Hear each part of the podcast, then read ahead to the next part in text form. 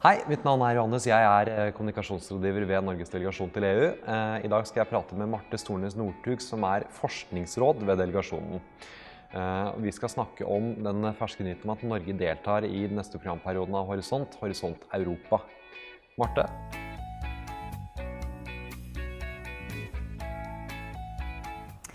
Altså det som skjedde i Brussel i forrige uke, var at det kom tre nye meldinger på eh, utdannings-, forsknings- og innovasjonsområdet.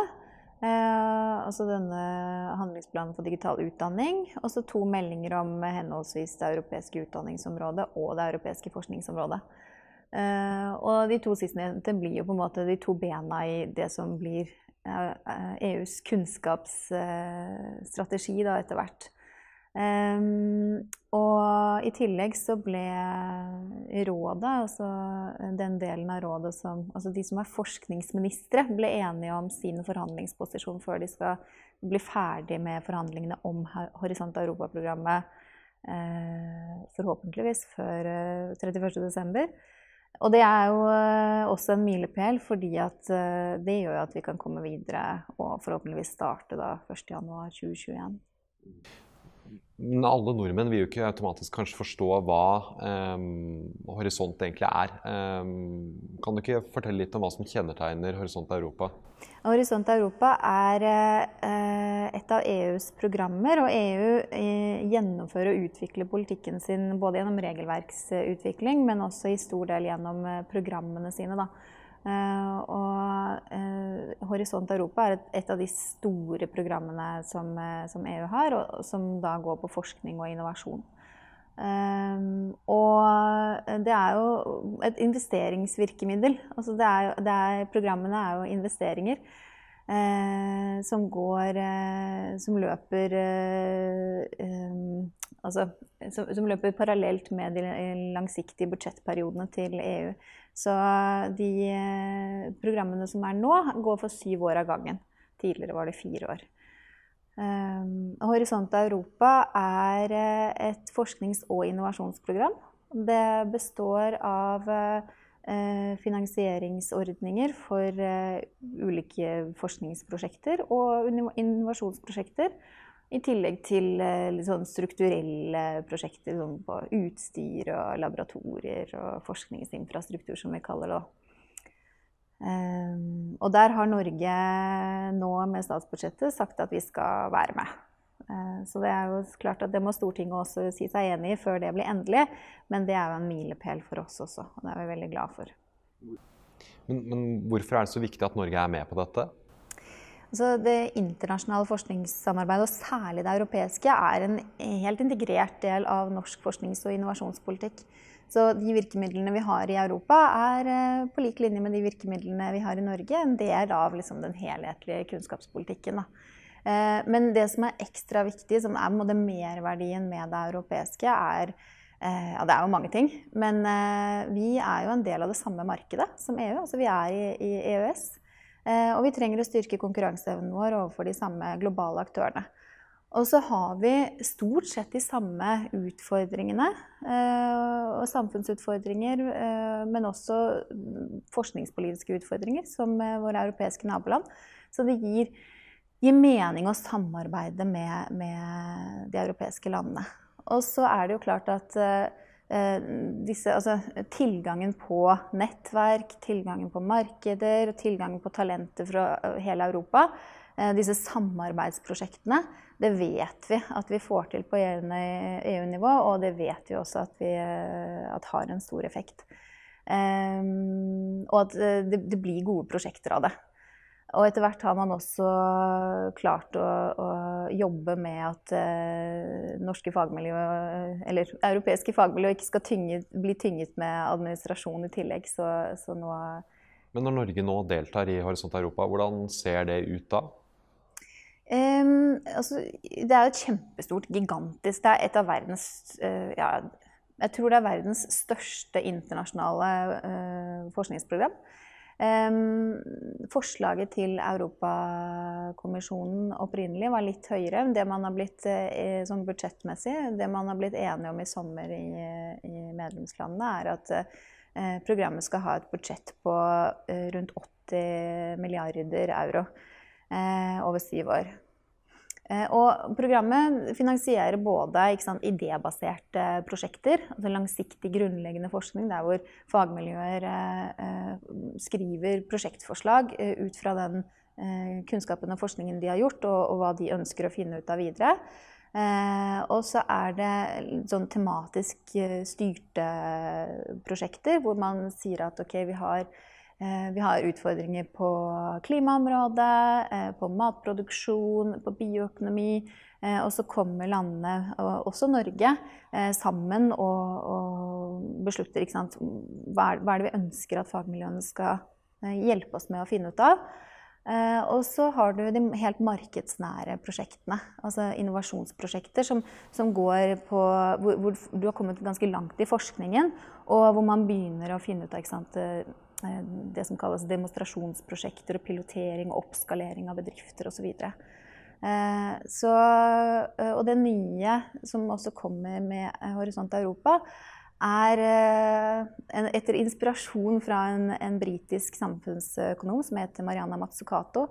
Som, eh, ja, for å uh, gjøre hennes veldig store forskningslitteratur veldig liten, så mener hun uh, kort sagt at man ikke skal være så brydd for å uh, styre finansieringsstrømmene da, når man finansierer forskning og innovasjon. Og at man må, man, må, også man må også utvikle eh, ordninger der hvor man sier at ok, vi har dette målet.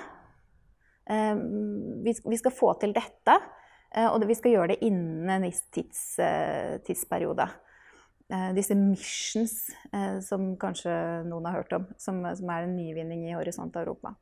Og da, da går det jo på sant, Et eksempel er vi, skal, vi skal, ha 100 klimanøytrale byer i Europa innen 2030. Det er et veldig konkret mål, det er veldig målbart.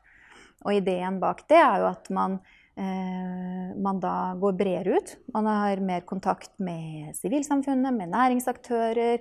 Eh, man har finansiering fra ulike kilder, og man har mye mer påvirkning fra sluttbrukerne eh, for å utvikle disse prosjektene. Da. Så, så, Horisont Europa er et, eh, et, rammeverk for finansiering av forsknings- og innovasjonsvirksomhet i stort.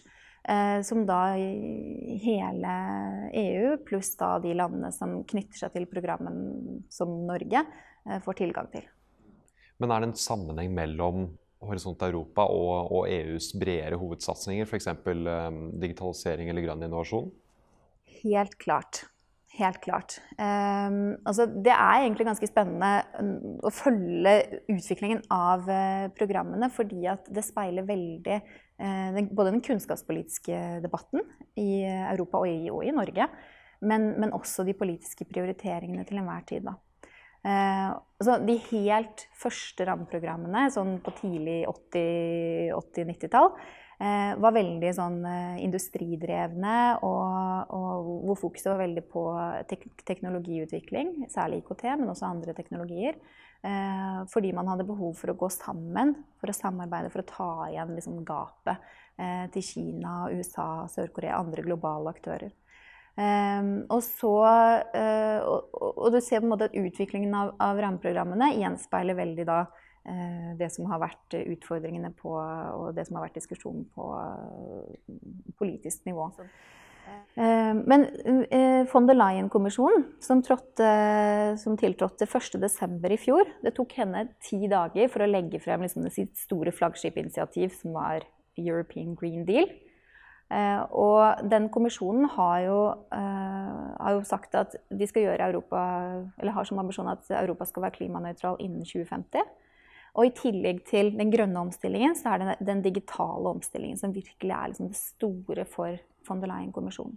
Og det ser vi jo veldig speiler seg i hvordan utlysningene innrettes, både i det programmet som har vært, eller som løper nå, og i eh, hva, hva, man forventer at fagmiljøene og hva man forventer at forskning og innovasjon skal bidra til gjennom Horisont Europa.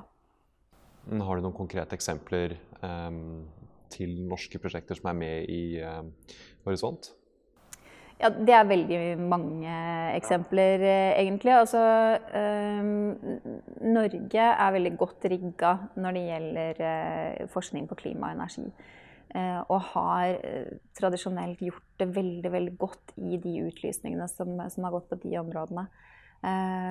Og, og både på liksom det, det grunnforskningen og på samfunnsvitenskapelig forskning. Det å forstå klima og det å, å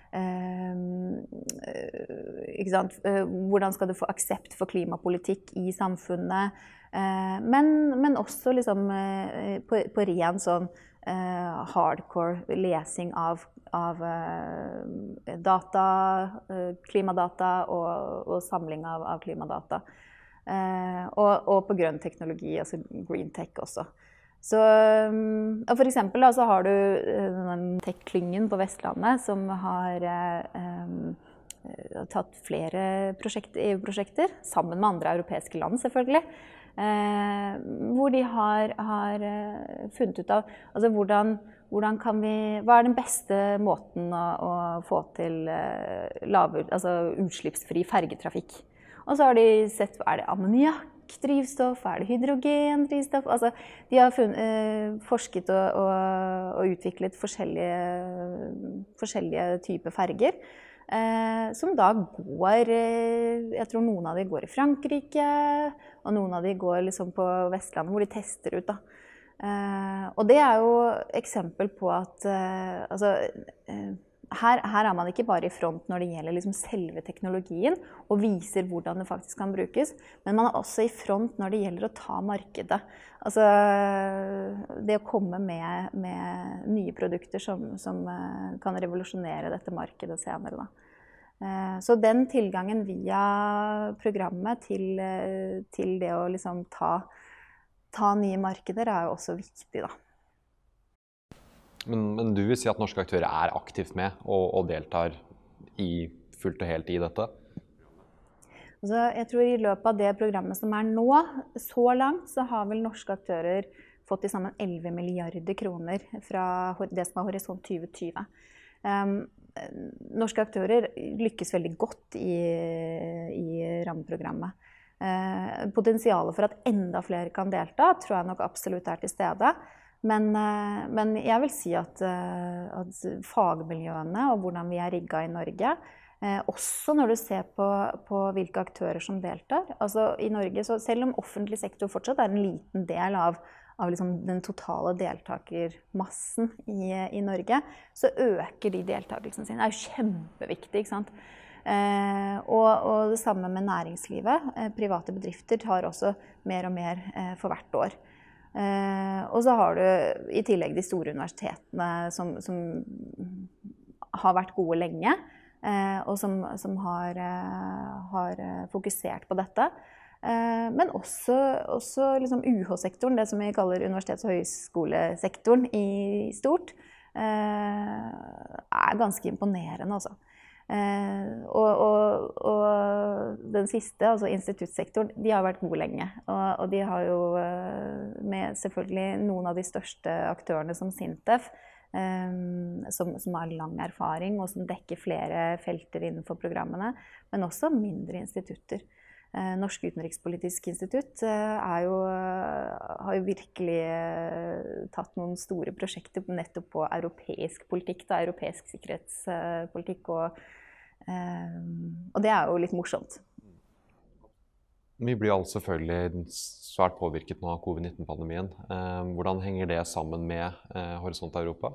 Ehm, da Ursula von der Leyen og Charles Michel kom med sin fellesuttalelse i vår om hvordan de skulle overkomme krisen, så var forskning et av de fem sporene som, som ble nevnt da, og som ble satset på. Eh, og det gikk jo på at man måtte finne en vaksine, selvfølgelig, første prioritet, men også behandlingsmetoder um, på veien. Altså, uh, og, og, og det, er, det, er, klart, da har du mulighet for å, å finansiere sånn, ren forskning på vaksine og utvikle en vaksine. Men også kliniske utprøvinger. Du trenger jo da Eh,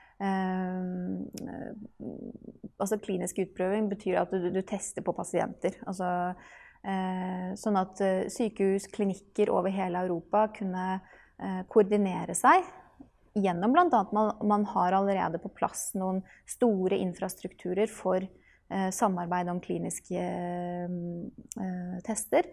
Og, og, sånn at man, man, og deling av data, ikke minst. Så ganske raskt så så du at eh, det ble etablert plattformer for deling av forskningsartikler. Folk som hadde eh, forsket på ulike typer pandemier og behandlingsmetoder og, og, og medisiner. Eh, og deling av data. Og, og, mm, de finansieringsmekanismene som man allerede hadde, ble, ble, vridd, ble dreid ganske raskt. Sånn at man, man, man hev seg rundt og, og utlyste midler til Eh, fagmiljøer som kunne forske på covid-relaterte problemstillinger.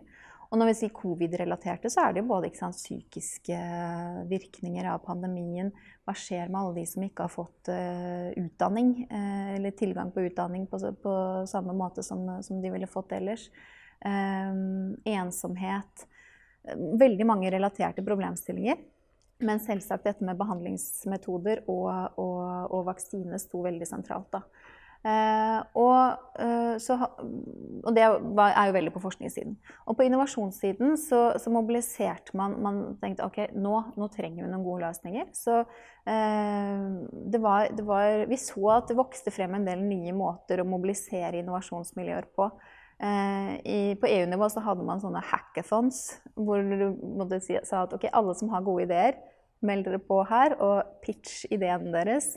Eh, men så så du også eksempler flere steder i Europa at eh, offentlig sektor eh, og myndigheter ikke sant? Jeg tror Storbritannia de, der, der, lyste man ut midler til liksom, noen som kan finne ut hvordan vi på raskest mulig måte kan desinfisere en ambulanse.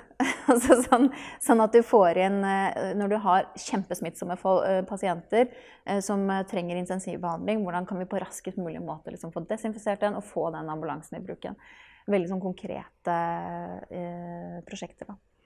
Um, så, så, og da så du også at eh, Europa hadde evnen til å hive seg rundt. Det er jo en ting som man ofte får eh, kritikk for i EU. At man bruker veldig lang tid på ting. Ting tar tid. Eh, men akkurat på forskning og innovasjon så har man også den beredskapen i grunn ved at man har samarbeidet veldig lenge.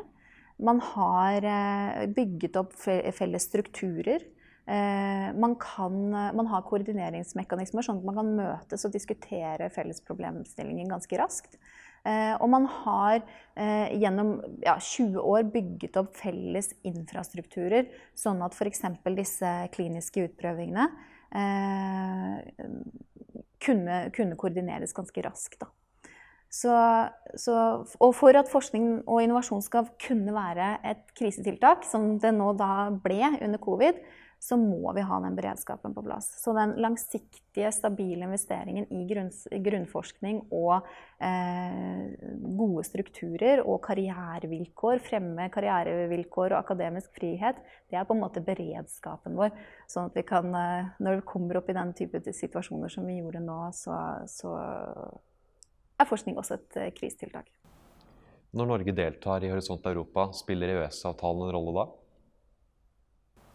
Altså, Norges deltakelse i det europeiske forskningssamarbeidet eh, er jo veldig, veldig, tett knyttet til eh, vår deltakelse i eh, eh programmene.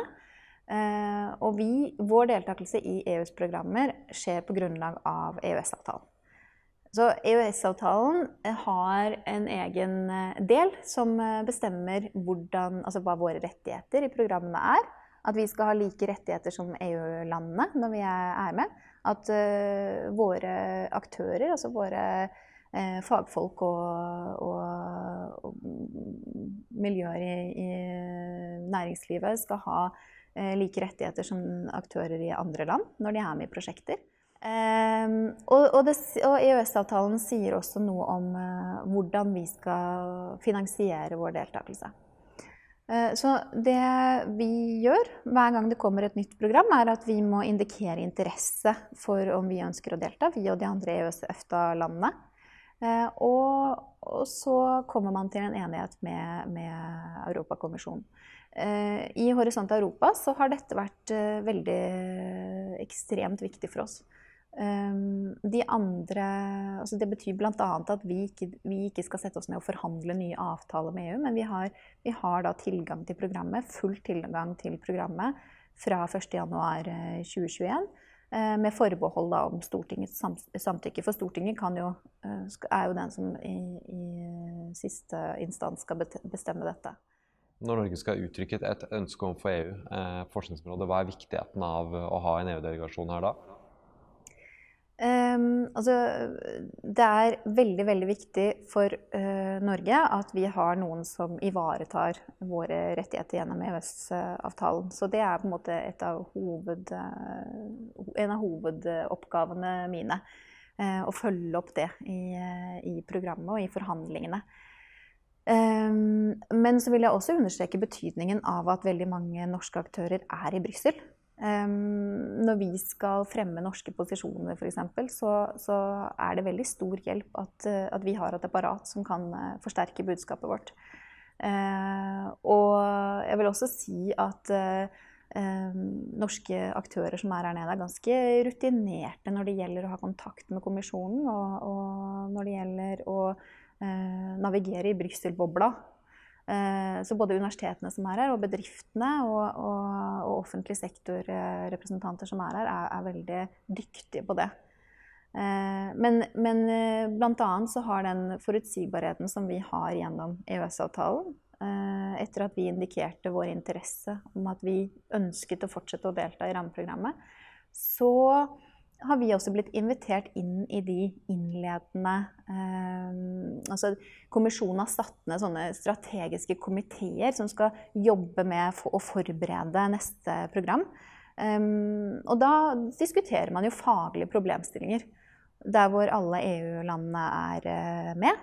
Og fordi at uh, vi har den stabile, stabile tilknytningen til Europa, så er det en stor grunn til at uh, Norge og, og, Island, da, som de andre EØS-EFTA-landene, har blitt invitert inn i den prosessen. vi er de eneste tredjelandene som har, uh, som har vært med på det hele veien.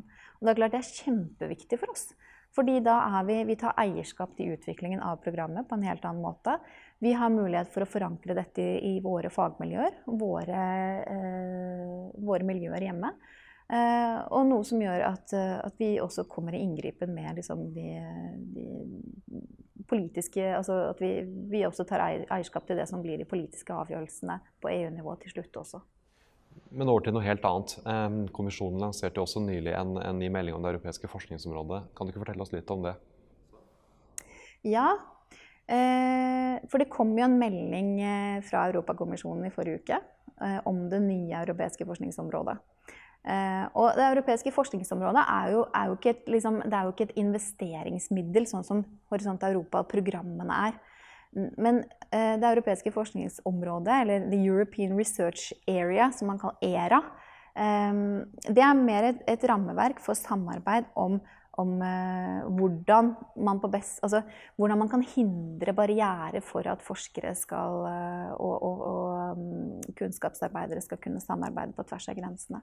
Så det går både på, eh, på liksom rene, altså på hardcore infrastrukturer.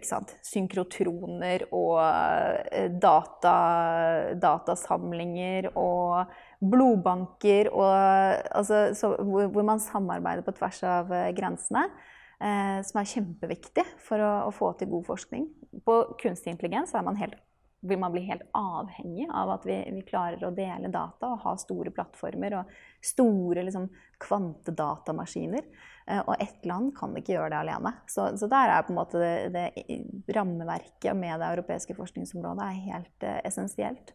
Men så har det også eh, karrierevilkår for forskere. Det å sikre at eh, eh, forskere har det ålreit. altså at, at, man har eh, akademisk frihet, at man ikke lider under sensur. Eh, at man har gode muligheter for utvikling i karrieren sin. Eh, familiepolitikk når, når, man reiser på tvers av land. Eh, pensjonsrettigheter. Eh, og det som man ikke får til så godt i Europa, nemlig sånn kunnskapsoverføring. Det å bruke, ta i bruk eh, Vi er veldig gode på å, å forske eh, av høy kvalitet. Og så er vi ikke like gode på å ta de resultatene i bruk i samfunnet og næringslivet. Men hvordan, hvordan, er Europa som forskningsaktør sammenlignet med f.eks. USA eller Kina? Ja, altså um, USA og Kina er jo øh, ligger lenger fremme når det gjelder øh, det å ta i bruk resultater av forskning og skalere opp.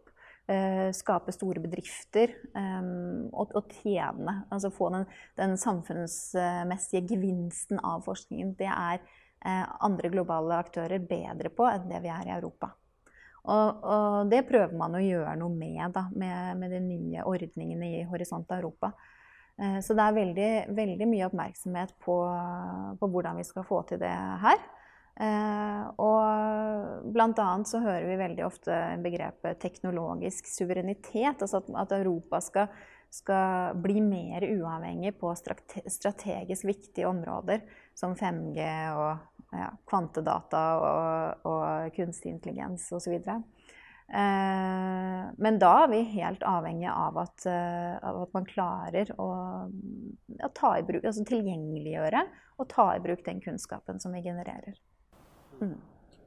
Kjempeflott. Da sier vi takk for det. Ja. ja. Strålende.